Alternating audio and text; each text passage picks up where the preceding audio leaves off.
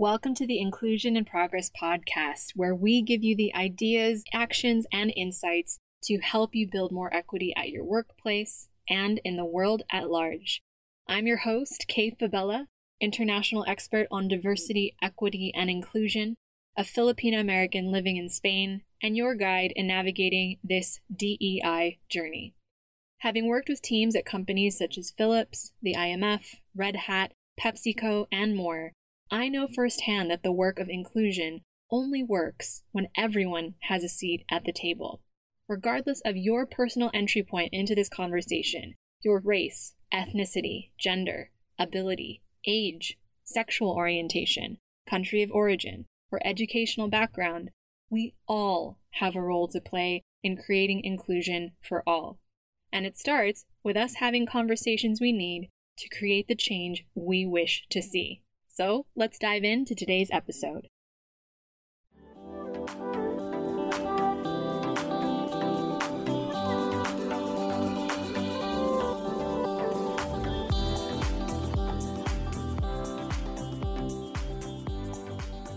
Hey everyone, welcome back to the show. And again, a massive thank you to everyone. You have made April 2022 a record breaking month for us in terms of downloads and listeners, according to the lovely folks who are producing the show for us and editing it and putting all the work to making sure these episodes get out to you on time. So, thank you. and as I've said before on the show, Inclusion in Progress really is a labor of love for us at Team Inclusion in Progress. Yeah, we were very creative with that name there. and anyway, we put a good deal of time and obviously energy and resources into making this resource accessible and available to as many people as possible. And every recommendation that you make as our listeners makes all the difference in helping spread the word and to invite more folks into the conversations that we share with as many people as possible. And I say we, not as a royal we, but really there are so many folks that are behind us in putting every single episode out, not just me as the person who is hosting you today. Because ultimately, we know the value in helping support those who are officially in their job title or unofficially in their job title leading inclusion whether you're in a different type of industry or different country or cultural context. And we also know that everybody doing this work or engaging with it in some form is also navigating the emotional labor that this brings and the feeling often of isolation of I just need somebody who gets it and who can share some stories from the front lines with me. And that's what this show is about. We really want this to be a place where folks come to listen, to engage, to really think critically in your own little private space with us to ensure that the show reaches as many people like you who's listening to this episode. We really, really, really appreciate anything that you can do to not just show your support for the show, but also continue to recommend it to others. It really means the world. So, on that note, if we could ask you a favor, please, please take five minutes swear it only takes five minutes. Doesn't even have to be a long review, but just something that you could throw up for us on iTunes or Spotify or whatever your podcast player of choice is. We are inclusive here after all. but seriously, every bit helps us reach those who would gain value from episodes like this one, especially an open conversation that would benefit someone who is working or thinking about getting into work in DEI. So we'll leave some instructions for you to do so at the link in the show notes. And thank you in advance for continuing to share the love and spread the show with others. So, in continuation of our theme this season on the podcast of psychological safety, we also wanted to bring attention to another conversation that's been coming up often in our client work, which is how to navigate the heavy shame and shaming that comes up in talking about equity, and inclusion at work, especially as we hit moments of reflection like this month, where, as we all know, it's the anniversary of George Floyd's murder. Moments like this make me really reflective of how far we've come. And naturally, I'm sure as many of you are also thinking whether or not we've made progress since that fateful day happened. And I've shared this on the podcast before, but I choose not to see this as an anniversary. There's got to be a better word than anniversary, but I think the best substitute I can think of is an invitation, an invitation to pause, an invitation to reaffirm for ourselves our commitment to our role in creating greater equity and inclusion that first starts in our workplaces and spills over into our world, or vice versa.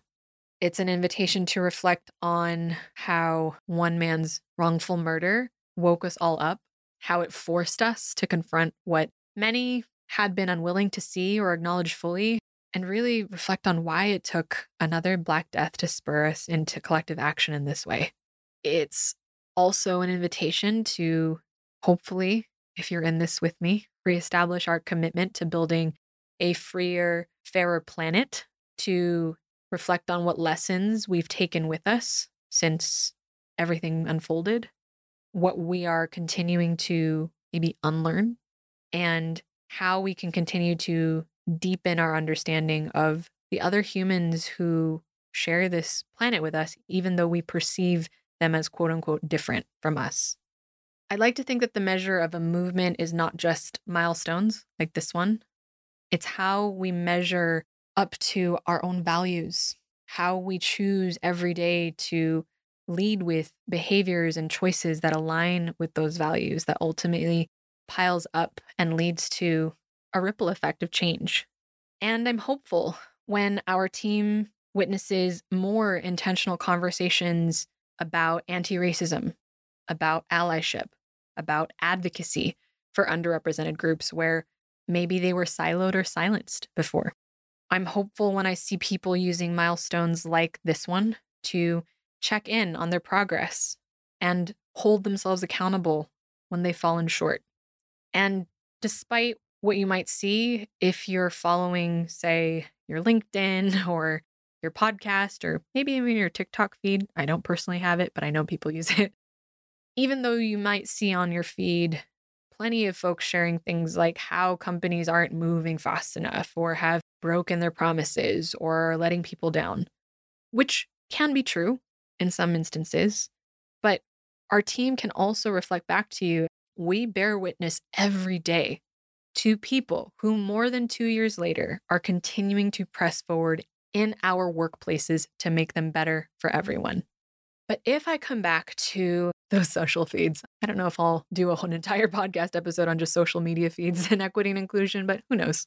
I've noticed a trend that is worrying me, that has worried me, if I'm going to be honest, for a very long time now.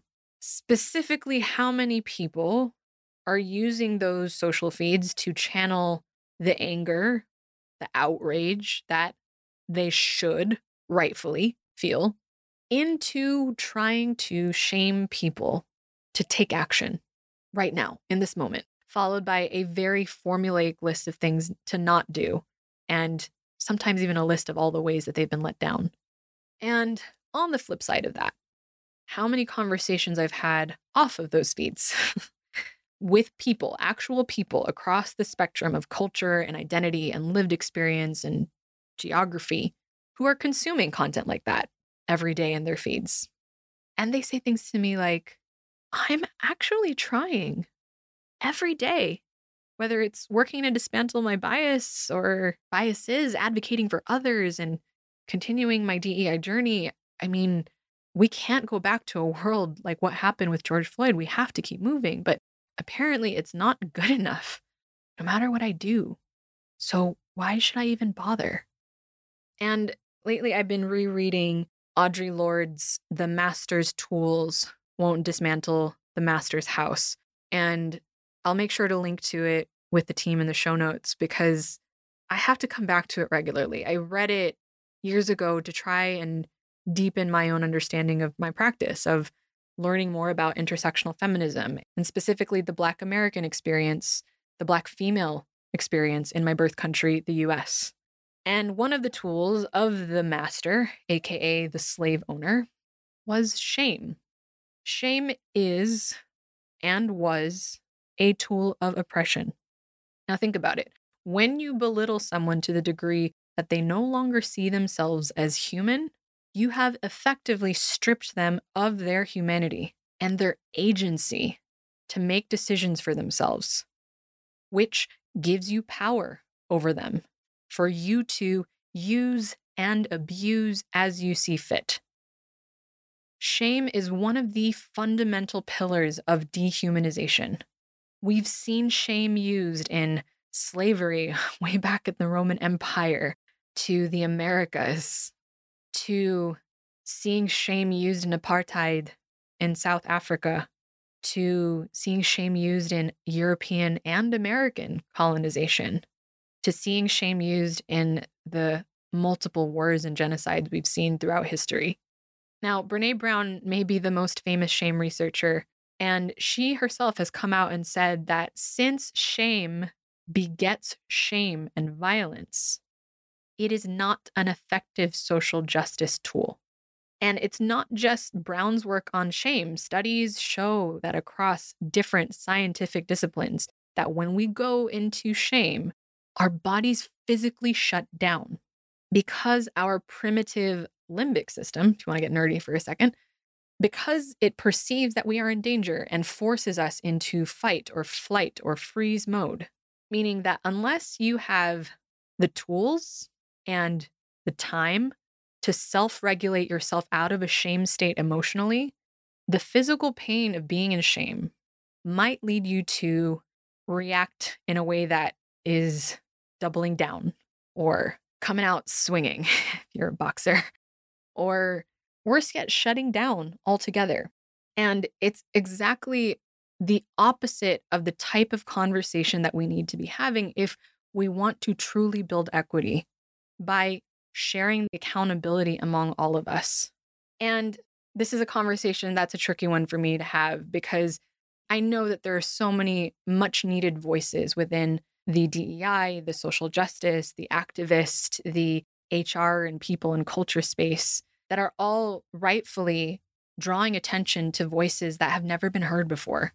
But if we take a moment, you know, let's just put ourselves in the shoes of a stakeholder, right? Somebody who is actually looking for actionable ideas on how they can lead equity and inclusion responsibly at work and is scrolling through their social feed. Let's take LinkedIn for an example because that's where a lot of these things are happening. So that stakeholder is going to read all of the things that very well meaning and well spoken and well within their rights of expressing practitioners are sharing, often out of context for that person's particular situation, right? And they're sharing these things on a social platform that is designed to highlight content that spikes our limbic system to increase platform engagement without providing a window into maybe the mental state of the person writing or reading it that would be very different if it was a face to face conversation, or without having any real context beyond the advice that can be doled out in 500 characters or less. And the stakeholder has no way to decipher whether or not the advice that's showing up in their feed in that moment is actually valid and applicable for them as they're looking to gain information on what they can do. So imagine what happens when a stakeholder reads something like this. And this is an actual quote just build a better system and stop with the bullshit. This is an actual quote. This is a true story. This was on my LinkedIn feed today from a well respected practitioner who, of course, was understandably upset, heartbroken when more Black American lives were systematically targeted and taken mere weeks before the anniversary of George Floyd's murder. So please understand that before I dive into this conversation today, there is a huge difference to me between shame and accountability.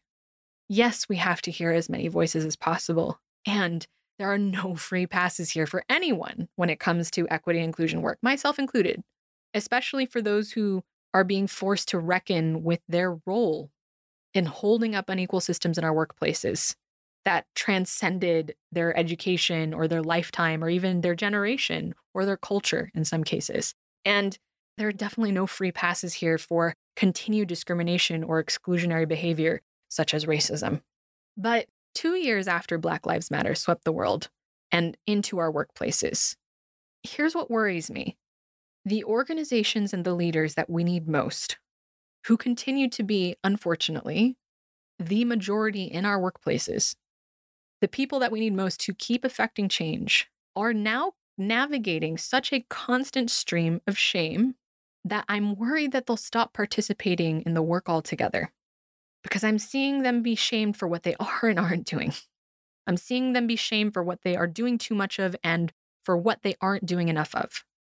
Without the context and the competency necessary to sift through their shame and into a continued state of accountability and action that will actually make a difference in the workplace, which is the goal, right? Meaning that one of three things will happen. One, they'll stop listening, they'll stop investing, and worst of all, three, they'll stop caring. And sadly, the people who are most vocal about wanting to see greater equity and inclusion happen are often the most guilty of shaming others under the guise of having the moral right on their side or the generational power dynamic on their side, right? And we've seen this across our work. It's shaming the people who look like them, who love like them, and live like them, or shaming those who don't. It goes both ways. And this is a genuine worry for me. And I know, I know that if we want to sustain this work, that we can and we should do better.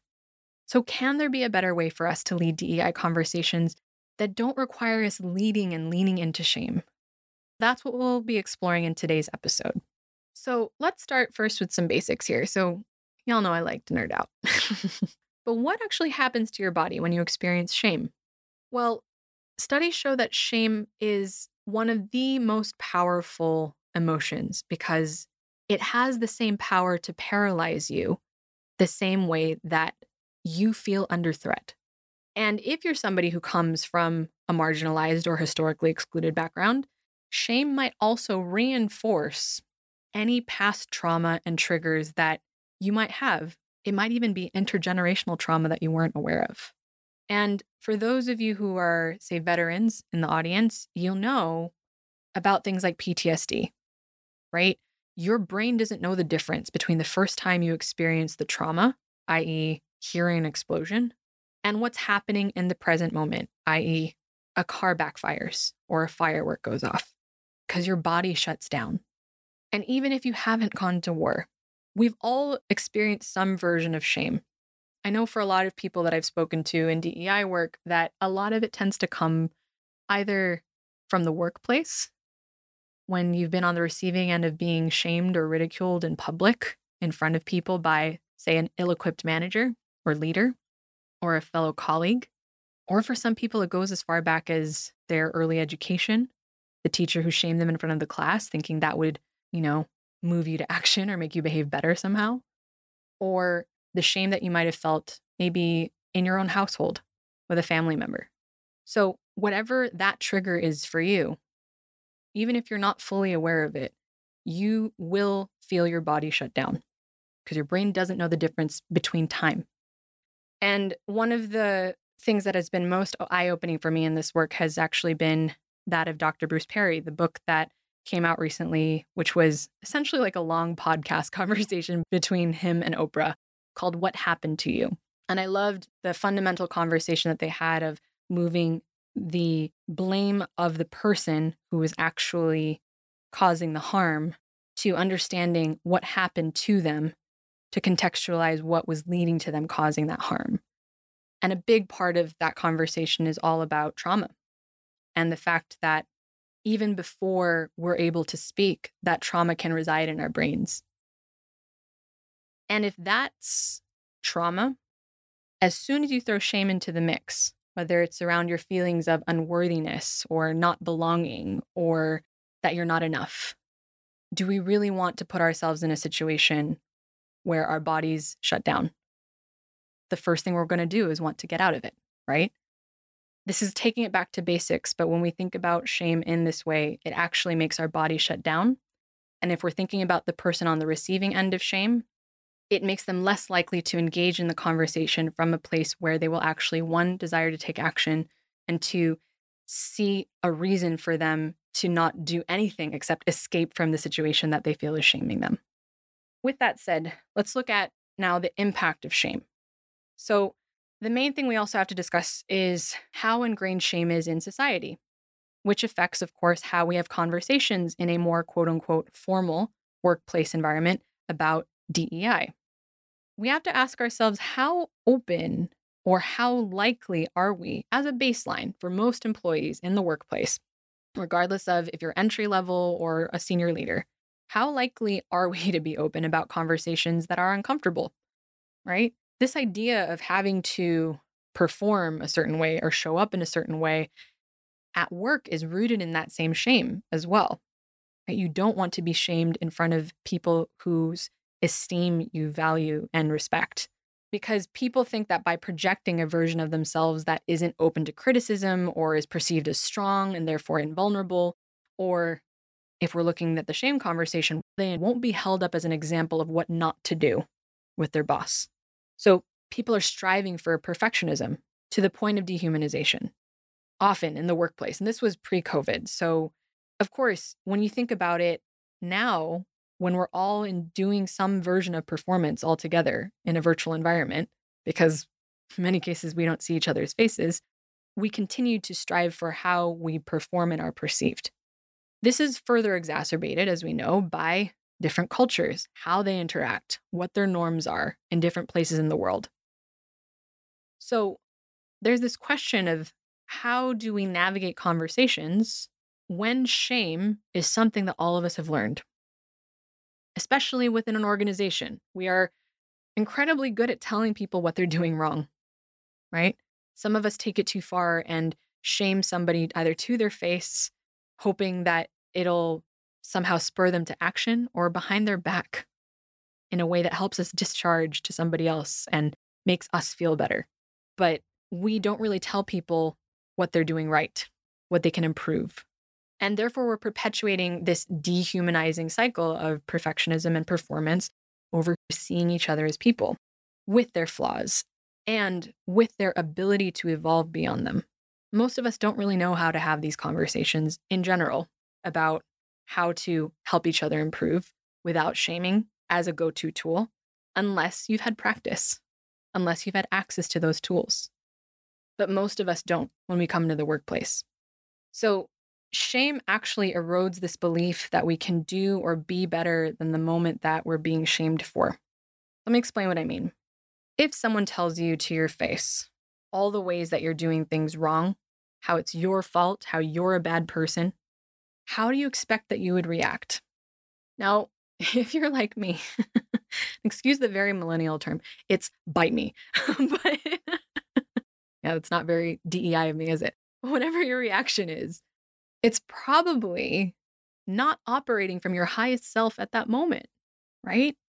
Now, if I wanted to act in a way that was aligned with my values, I'd have to move away from that bite me on my limbic brain and move back into a state where I'm able to converse, preferably in more than one syllable at a time and not with my fists up, right? To move from limbic state to focus back on a state where I can hear what the person is saying.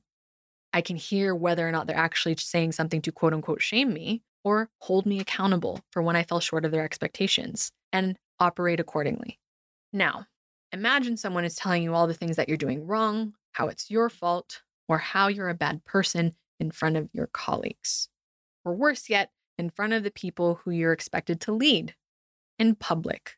Now, you may not have had the pause that I had to go from bite me to do the thing, right?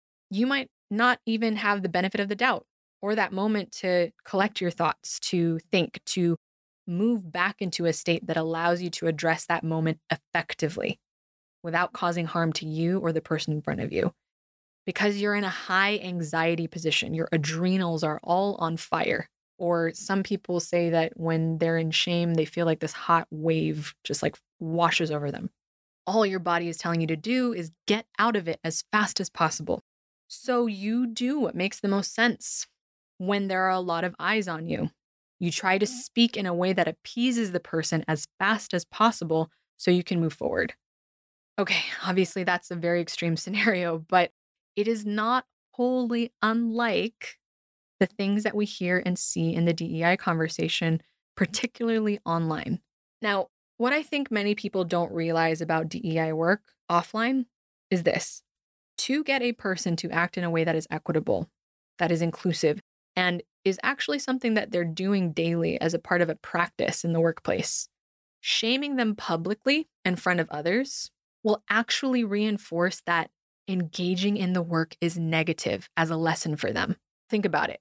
Actually, I'll give you an example. One of the leaders that we worked with was making progress on his equity journey and watched how their employees tore one another apart in the chat of an all company event, all because another leader at the event was accused of tokenizing for highlighting a Black leader's accomplishments during Black History Month. Even though they weren't the leader on the receiving end of the shame of their employees, this leader shared privately afterwards You're damned if you do, and you're damned if you don't. Let's put ourselves in the shoes of someone who thinks that they're shaming in an attempt to hold someone accountable. Again, there is a difference, and we will discuss the difference between shame and accountability later on in the episode. But even if you think you are, anything that is spoken after you have shamed the other person that they say back to you isn't true. Because you are reinforcing this lesson, I was told not to say this, so even though I don't think it or believe it, I was shamed into doing what I asked and I just rolled with it. The connection to DEI becomes more about how you're perceived rather than how you can approach others with, as Michelle Mi-Jung Kim says, compassion and criticality, which makes the DEI work performative, which is exactly what we don't want. If we actually want inclusion to become the standard of behavior that everyone adopts and models in the workplace. Shame cannot be our primary tool for DEI work because it kills empathy. And empathy is the foundation of justice, of restorative justice. Empathy is the foundation of creating a workplace that is actually people centered and focuses on people's well being. Shame forces you to focus on yourself and your flaws and your faults, or as a loose translation of a saying here in Spanish, to focus on your belly button. and shame holds the focus on your emotions instead of the other that you could be helping. Whereas empathy invites you or whoever else you're trying to encourage to take action, to make amends, to focus on the other person in front of them and contextualize their experience in a way that they can relate to or that you can relate to your own, and then decide how you want to move forward. So, what we've learned from working in DEI with people across the world and across different teams is this psychological safety means cultivating an environment where everyone can collide with compassion, not just the people who we agree with or look like or see ourselves in. And it's the only way that we can build the foundation for workplaces that are equipped to leverage the ideas of everyone at the table. Psychological safety also means that the people who look after our employees also need to feel that they are an environment where they can learn and not be shamed as they're learning, where they feel that the systems and people within the organizations that they are tasked with leading have their back to be able to do their jobs effectively and to operate in an environment where they can acknowledge that they need to seek outside perspectives to support their ability to build equity and inclusion for everyone. If you're like the people that we know leading inclusion, as would be allies, as marginalized folks, or somewhere in between. You all crave psychological safety. And you also know that you're human. If you're like them, you want to know that you're operating in an environment where it's okay for you to make mistakes along the way as you work to make inclusion possible for others. And if you have to lead and lean into a hard conversation, you know that your organization will support your desire to do so intentionally, to help you deliver change and transformation in a way that everyone is held accountable and moves forward. And you know that you can't do it alone. So sometimes it helps to just have an outside perspective from someone who's tapped into the wider market, from people who are already tapped into different versions of these conversations and have heard everything, literally everything under the sun. And organizations need leaders and listeners like you with the integrity to recognize that you may not have all the answers, to have the ability to say, I don't know, and the courage to accept help when you need it. Now, achieving psychological safety, especially when we're talking about having hard conversations without shame, is incredibly difficult. And when you add in that layer of a remote environment, it's even more challenging. As teams continue to diversify, to spread across the globe, to opt for full time flexible work instead of coming into the office. And that's why Inclusion in Progress is here to help. Because our 100% remote team spans APAC, EMEA, and the Americas, and because we've worked with the likes of Red Hat and Instagram, the IMF, and Philips, we are best positioned to hear the conversations that will support your remote team with equity and inclusion. So we partner with leaders like you to help foster that inclusion. So you have the perspective of a trusted partner. And hopefully, one less thing to worry about when you're implementing a DEI strategy across your company. So, if you'd like to learn more about how to work with us as a client partner to help boost morale and engagement at a time when people need it most, head to the link in the show notes to get in touch with our team or email us at info at inclusioninprogress.com. Before we close our calendar for the rest of 2022, we would love to share how we could partner with you this year to foster inclusion for your remote teams. Now, it's helpful for us to also address the fact that we are operating now in multi generational workplaces. And in a future episode, we want to talk more about how to manage a multi generational workplace, particularly when you have the shifting expectations of up to five generations at once, including those from Gen Z and baby boomers side by side. So I can't have the conversation about shame without addressing cancel culture. I have talked about it before in a previous episode, but honestly, we're light years away from when we recorded that. So let's revisit it together, shall we? Now, Gen Z, particularly, have learned that canceling, i.e., harmful, sometimes public shaming, is a powerful tool to amplify the voices of those who were previously underrepresented and even motivate action from not just private companies, but also governments. So there's so many thought pieces on cancel culture, but in summary, critics of cancel culture view the movement as a modern form of mob rule because, according to them, cancellation prevents open debate. And after all, the ability to entertain different ideas and perspectives creates the conditions for social progress and justice. In fact, some of the greatest breakthroughs in human history, they would argue, have occurred when cultures have shared and exchanged contrary ideas. Whereas critics of cancel culture say that it can actually execute opposing viewpoints without any sort of context or further desire to engage in the conversation. Now, those who support cancel culture as an important tool in achieving particularly social justice, which is a big part of the reason why the DEI conversation is so powerful these days, really utilize the internet in particular. So, social media providing a platform for those who were historically underserved or underrepresented to share their views, their opinions, and their lived experiences.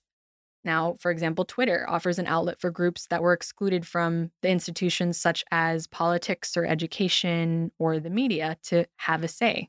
And today, historically excluded groups are no longer reliant on establishments that were built when they weren't in the room every person with access to the internet can now write an opinion piece, can share their story, and where needed, speak truth to power.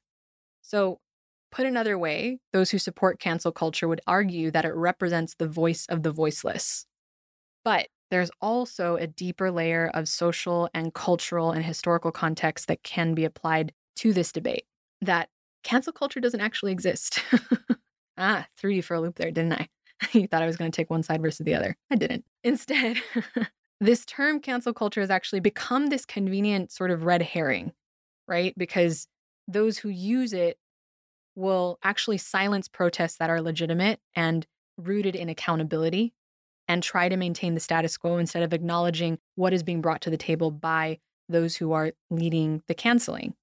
And so, from this perspective, what we're seeing is actually an authentic attempt to right where wrongs happened historically and push for meaningful, sustainable change. So, so called cancel culture was, as we know, instrumental in making the Me Too campaign go mainstream or making sure that Black Lives Matter is used on Twitter and has been used on that platform and Instagram since 2014. And even rallying millions of people globally to protest against climate change. So it could be argued that cancel culture is actually a synonym for legitimate criticism from groups who until recently lacked the means to express themselves and are the focus of many DEI initiatives in the workplace today. So, with that said, cancel culture. The main thing that I want to highlight before we wrap up today's episode is who is sending shame and who is sitting in shame more in these conversations. And if you look at that in the Gen Z and baby boomer context. There are generations who are approaching how they talk through what is considered quote unquote appropriate and professional in different ways, how they approach speaking and communicating over technology in certain ways, differences in their idea of how they actually give feedback or whether it's appropriate to shame somebody in public because they think it's called accountability, or even preferring to pull someone aside in private because they prefer to give the feedback in a way that they hope won't actually bring shame to the person. You have such different views across the generations of how to actually navigate hard conversations that it's really, really difficult to have them without addressing the differences in how people perceive they should happen.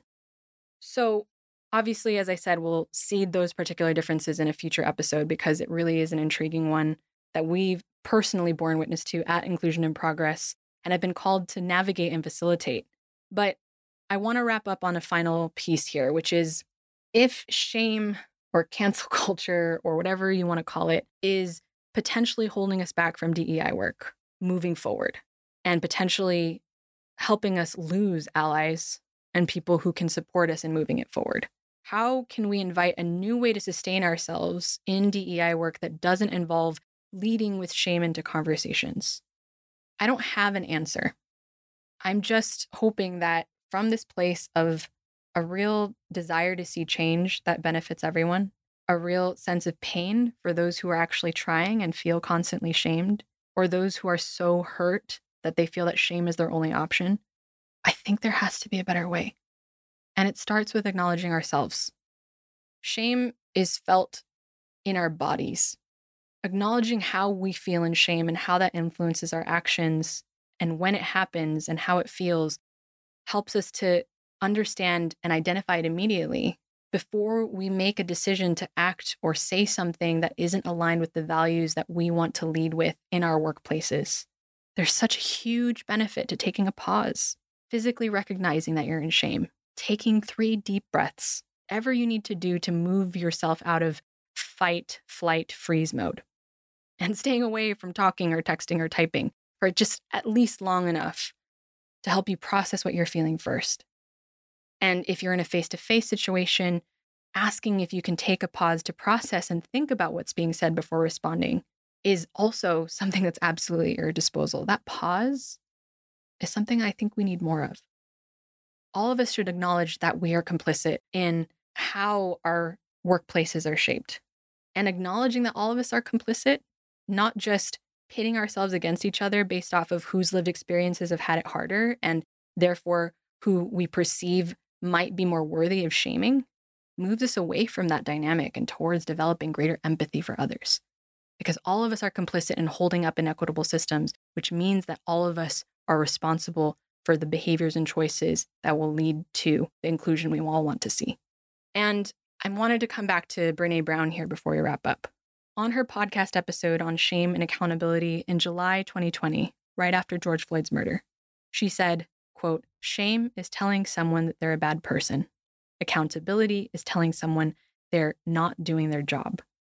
Moving away from name calling and telling people what to stop and start doing I honestly think there's got to be a different conversation that we could lead. How can we ask people to do their job, meaning mitigate their biases, continuing their learning and unlearning, to speak names into rooms where they haven't been heard before and fight for the opportunities that would remove barriers to advancement and access for historically excluded groups at work if we're shaming one another. Instead, let's move towards accountability remembering that this is a shared responsibility for everyone on all sides of the equation of DEI. For instance, a Black woman may be the expert on her lived experience, but at the start of her journey in understanding how to support an Indigenous woman at work. Should she be shamed for not knowing? Or a biracial man may have plenty to say about the struggles of being on the fringes of both of his communities, but be at the start of his journey on how to support his trans colleagues or Black women in the workplace. Should he be shamed when he gets it wrong? Or a cisgender non binary person may have plenty to offer unpacking heteronormative standards in the workplace, but they might be at the start of their journey in how to support a colleague with an accent who struggles to be taken seriously when speaking English. Should they be shamed? if every one of those people was shamed at the start of their journey towards allyship and inclusion, they would never expand their circle of empathy to learn how to support others, which means we lose out on more people doing the work in little ways to make a way forward for others beyond their own lived experiences. Ironically, to actually hold each other accountable, we have to start by holding ourselves accountable first. We have to cultivate self awareness. We need to learn to move away from shame as our go to tool. We need to recognize when we're operating far away from our values and what we need to do to self correct. If we know how to sit in shame ourselves and move through it in a way that builds our resilience, we can move away from utilizing shame as the only tool in our disposal and co create a vocabulary that helps others do the same and make this work truly inclusive for all because it needs all of us. So there you have it. Those are my thoughts on whether or not we as D&I practitioners or DEI practitioners can have conversations without shaming one another. And honestly, from having listened to versions of this conversation off of this podcast and off of social media, it's one that I've been thinking about and the team has been talking about for some time. And I'm really grateful that hopefully, but as an extension of the work that we're doing and in this space, we are creating a psychologically safe place to have this conversation.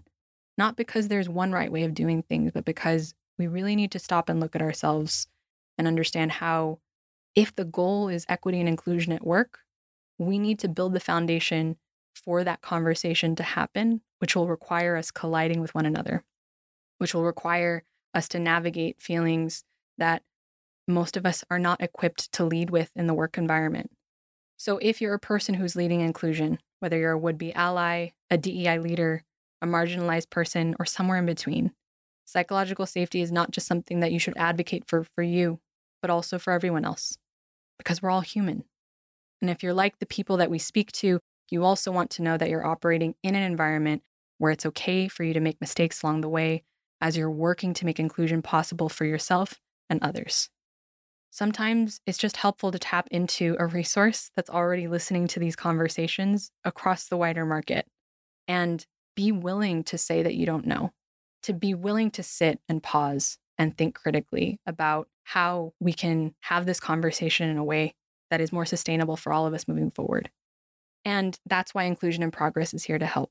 If you'd like to learn more about our work or to engage further in this conversation with us as a client partner, head to the link in the show notes to get in touch with our team or email us at info at inclusioninprogress.com. Now, we know there was a lot we unpacked in today's conversation. I'm sure it won't be the last conversation that we have about this on the podcast, but I think it's time. We care about this industry so much, and we care about it actually moving the needle forward. And we don't want to lose people along the way that would contribute to it actually leading to sustainable, substantive change in our organizations. So, as always, please feel free to share this episode with others who would benefit. Thank you again for continuing to listen and support the podcast, and we'll see you next time on Inclusion in Progress.